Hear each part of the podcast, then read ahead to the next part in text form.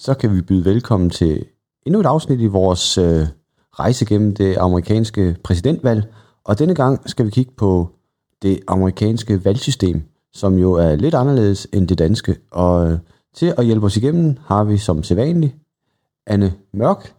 Og Anne, hvis jeg nu skulle få den tanke, at jeg gerne vil være amerikansk præsident, og vi ser bort fra det faktum, at jeg ikke er amerikaner, hvad skulle jeg så gøre?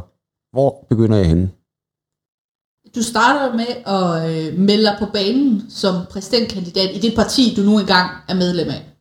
Og øh, hvor at man i Danmark er vant til, at øh, det er øh, altså det er medlemmerne af partiet og så videre, der, der vælger hvem der er, er, er, er politisk leder af partiet, og så er det ligesom den person, der rent naturligt så for eksempel bliver øh, statsministerkandidat i Folketinget osv., så, så er der øh, i USA de politiske, to store politiske partier, der er det faktisk ikke lederskabet af øh, partierne, der faktisk er de, kan man sige, de politiske ledere. Både demokraterne og republikanerne har en formand, men Donald Trump er ikke formand i det republikanske parti, og Joe Biden er ikke formand i det demokratiske parti. Så alle medlemmer af partiet kan reelt set gå ud og sige, jeg vil gerne være præsidentkandidat for det demokratiske parti. Og i den her omgang, der endte det jo så med Joe Biden, men undervejs der var der 24 forskellige kandidater til posten. Og øh, det man gør, når man så kommer ind i et valgår, fordi der er jo præsidentvalg ved fjerde år, at så starter året med, at man afholder primærvalg. Og øh, det er simpelthen alle 50 stater i USA, de har deres eget system, internt i partierne med, hvordan de finder ud af, hvilken kandidat deres øh, stat skal pege på som præsidentkandidat.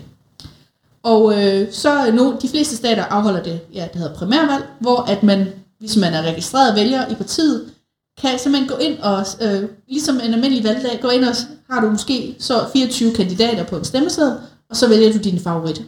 Og det er de her kandidater, der stiller op internt i partiet, det er alles kamp mod alle.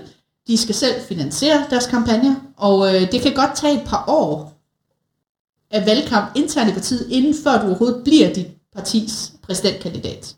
Så det er en meget, meget lang proces, hvor du skal kæmpe internt i partiet, og det skyldes selvfølgelig også, at du kun har to store partier, der ligesom kan begå sig nationalt. Så der er jo mange forskellige holdninger inden for de her store partier, der skal, der skal kæmpe mod hinanden. Ja, øh, nu siger du, at man selv skal finansiere øh, ens kampagne. Det må jo udelukke rigtig mange. Nu er jeg jo ikke øh, specielt velhavende. Hvad, øh, hvad skulle jeg gøre, hvis, øh, hvis, hvis jeg havde lyst til at blive præsidentkandidat? Trump, da han stillede op, havde jo masser af penge, Øh, det er jeg ikke. Hvad skulle jeg gøre? Altså nu er øh, amerikansk politik faktisk også øh, en af de brancher i USA, hvor øh, hvis man ser for eksempel medlemmer af kongressen, det er en af de brancher i USA, hvor den største andel af de ansatte, eller sige medlemmerne, er private millionærer. Så der er helt klart en over, eller der er et overskud, kan man sige, af rige mennesker i politik. Men vi ser også folk uden pers- private personlige øh, øh formuer kom til tops i politik, for eksempel Barack Obama. Og øh, det man simpelthen gør internt i politiet, det er, at man kæmper om donationer.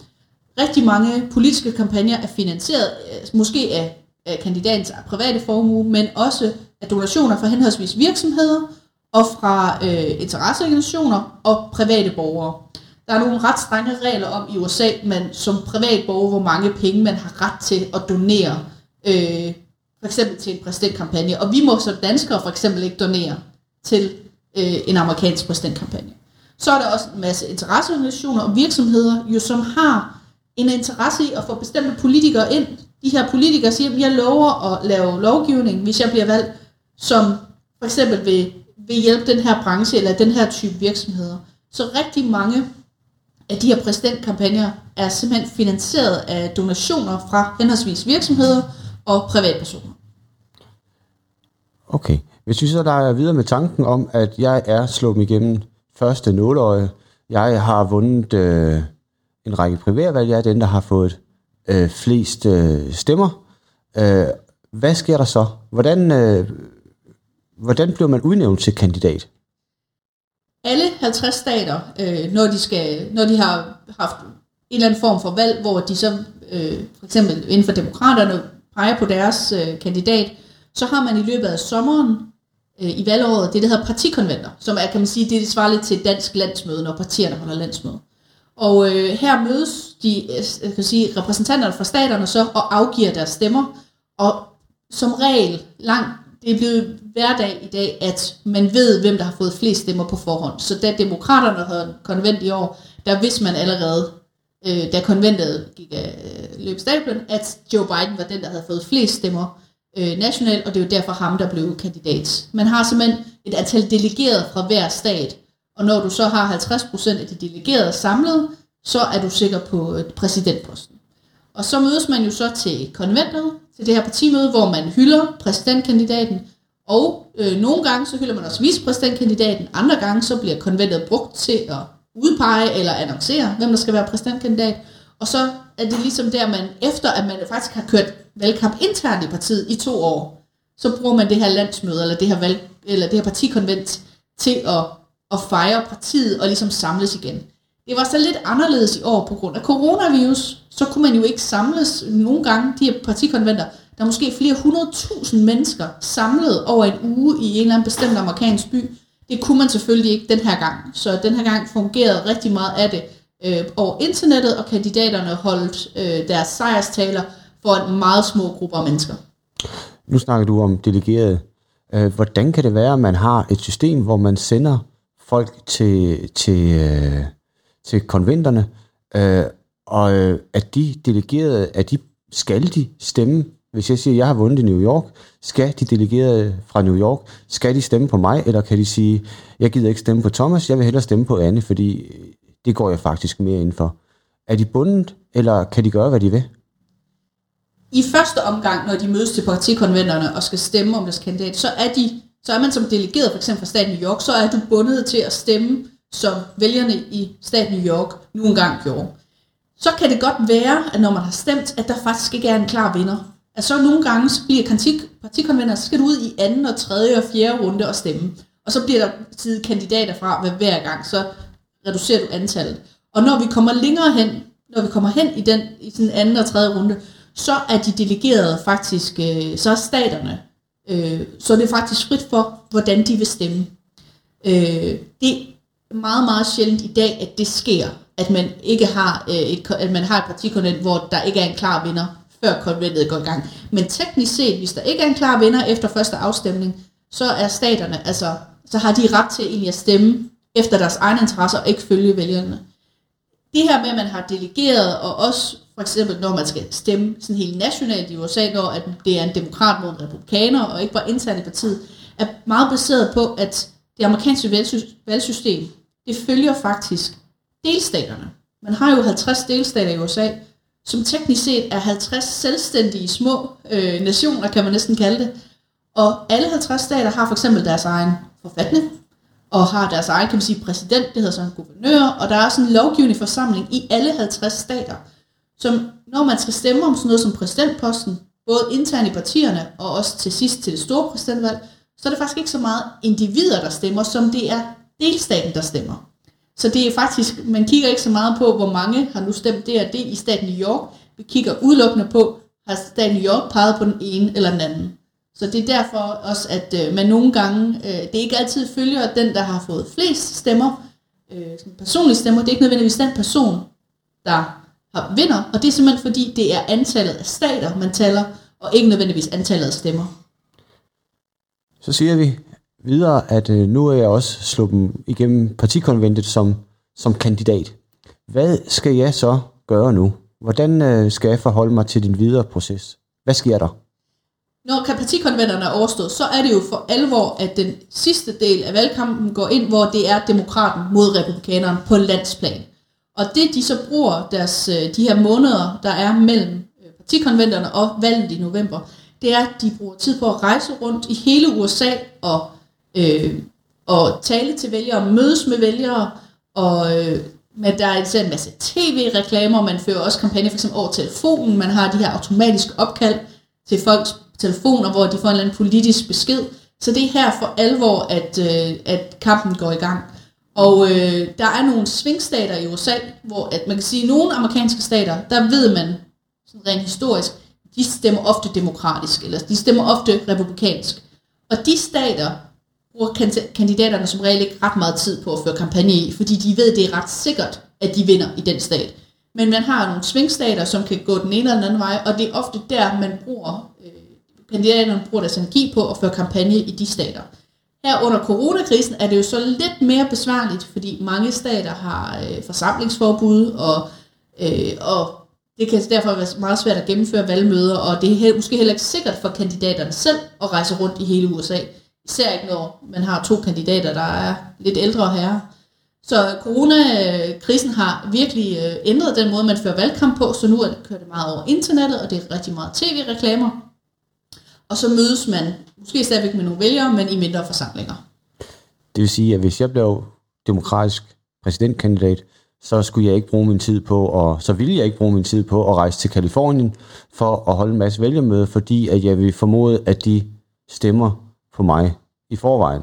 I stedet for så vil jeg tage til det, du kalder svingstater. Hvad karakteriserer en svingstat, og hvorfor er de så vigtige? Svingstater, det er som sagt øh, stat, som inden kan både gå demokratisk eller republikansk. Det er stater, hvor at øh, vinderen vinder med en meget, meget lille flertal.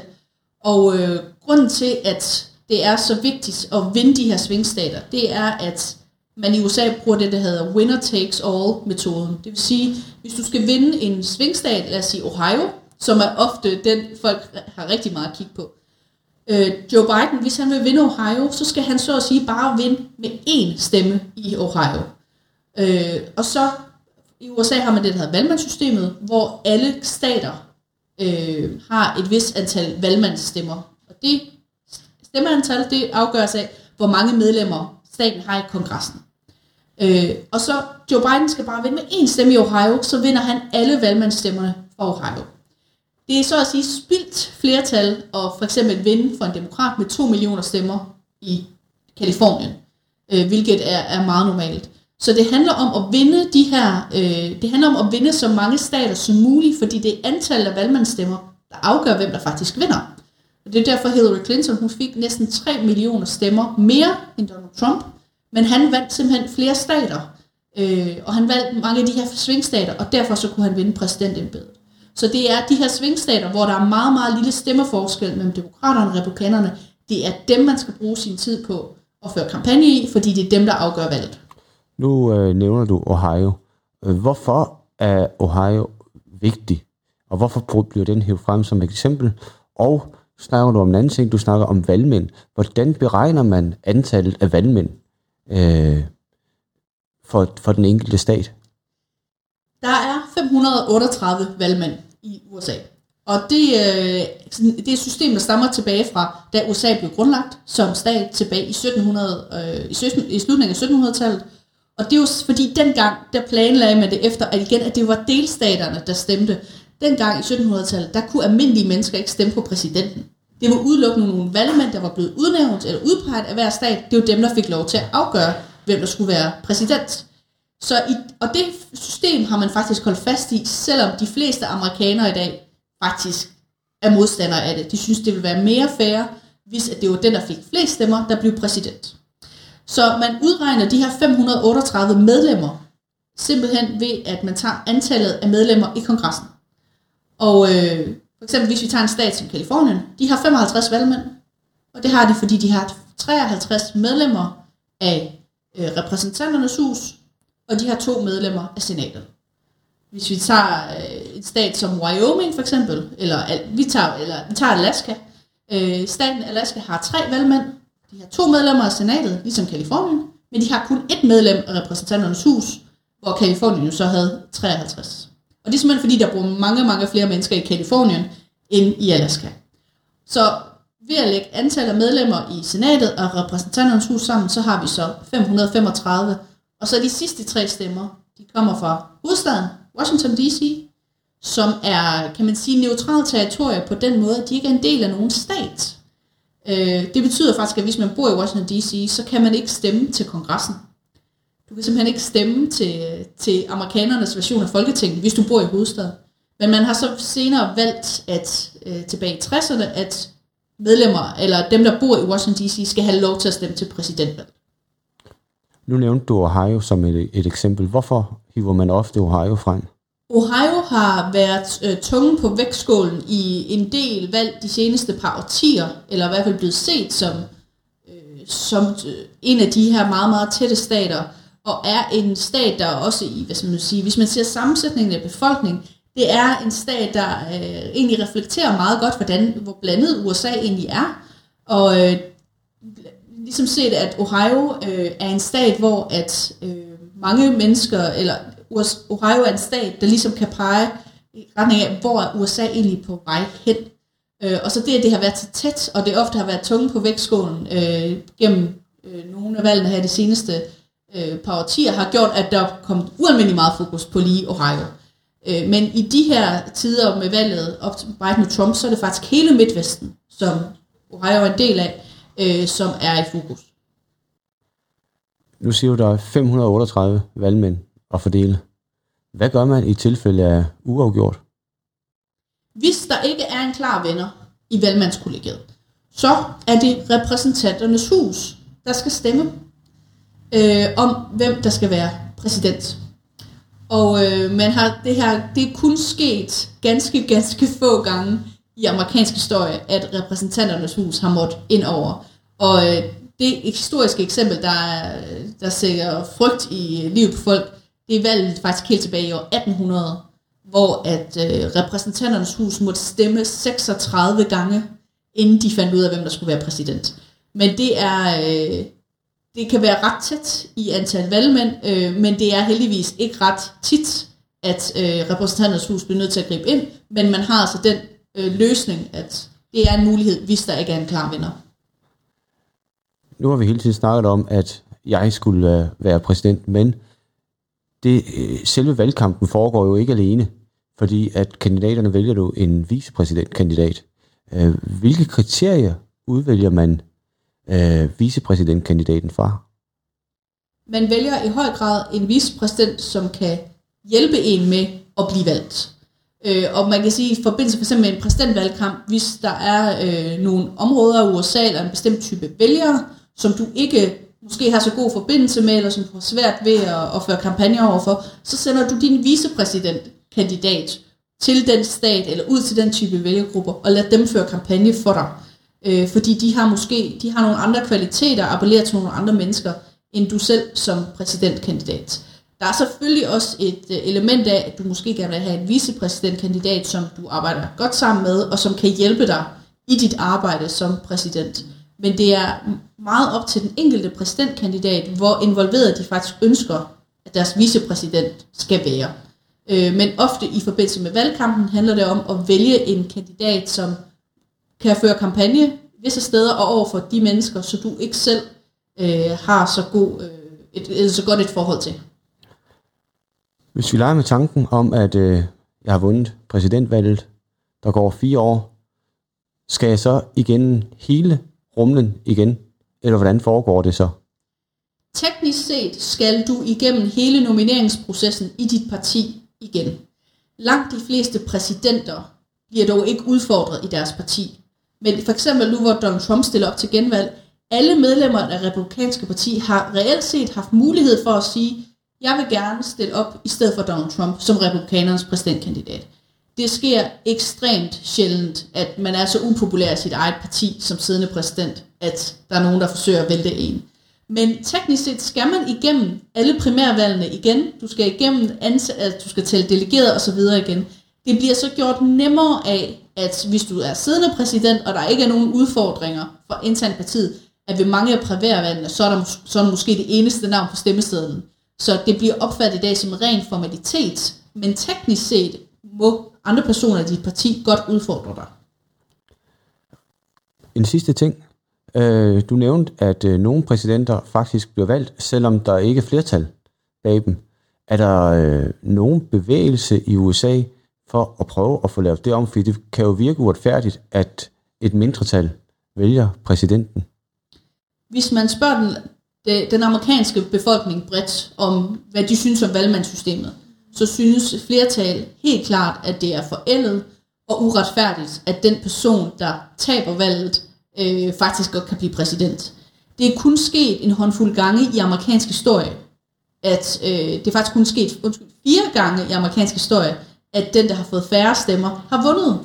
Og øh, to gange har været inden for de sidste 20 år. Det var i år 2000, da George Bush slog Al Gore, selvom Al Gore fik en halv million stemmer mere end George Bush, og så var det for fire år siden, da Donald Trump fik næsten 3 millioner stemmer færre end Hillary Clinton. Og både Hillary Clinton og Al Gore er jo demokrater, der, som der så tabte til republikanere. Så derfor er der en ret stor bevægelse, især inden for det demokratiske parti, for at få lavet den her regel om. Fordi at, igen, kun fire gange i historien siden 1700-tallet er det her sket, men altså to gange på 20 år. Det viser noget om, at valgsystemet, som det er opbygget lige nu, med den politiske sammensætning, der er i USA, faktisk favoriserer republikanerne. Det er nemmere at blive valgt som republikaner i dag, end som demokrat. Og øh, derfor så er den bevægelse også helt klart størst inden for det demokratiske parti. Problemet er med at lave det system om, det er, at det er noget, der står i den amerikanske forfatning. Og amerikanerne er ikke ret glade for at lave deres forfatning om. Der skal rigtig meget til for at faktisk lave et forfatningstillæg. Og øh, generelt så er valgmandssystemet også mere populært blandt politikere generelt, end det er blandt befolkningen. At politikere generelt øh, er noget mere øh, konservative, eller lidt mere forsigtige med at ændre de her regler. Så der er helt klart offentlig, eller bred offentlig opbakning til at lave systemet om, men der er meget lange politiske udsigter til, at det faktisk kommer til at ske. Tusind tak for det, Anne, for indføringen i det amerikanske valgsystem, som jo ikke er helt for begyndere, kan man vist godt sige. Tak.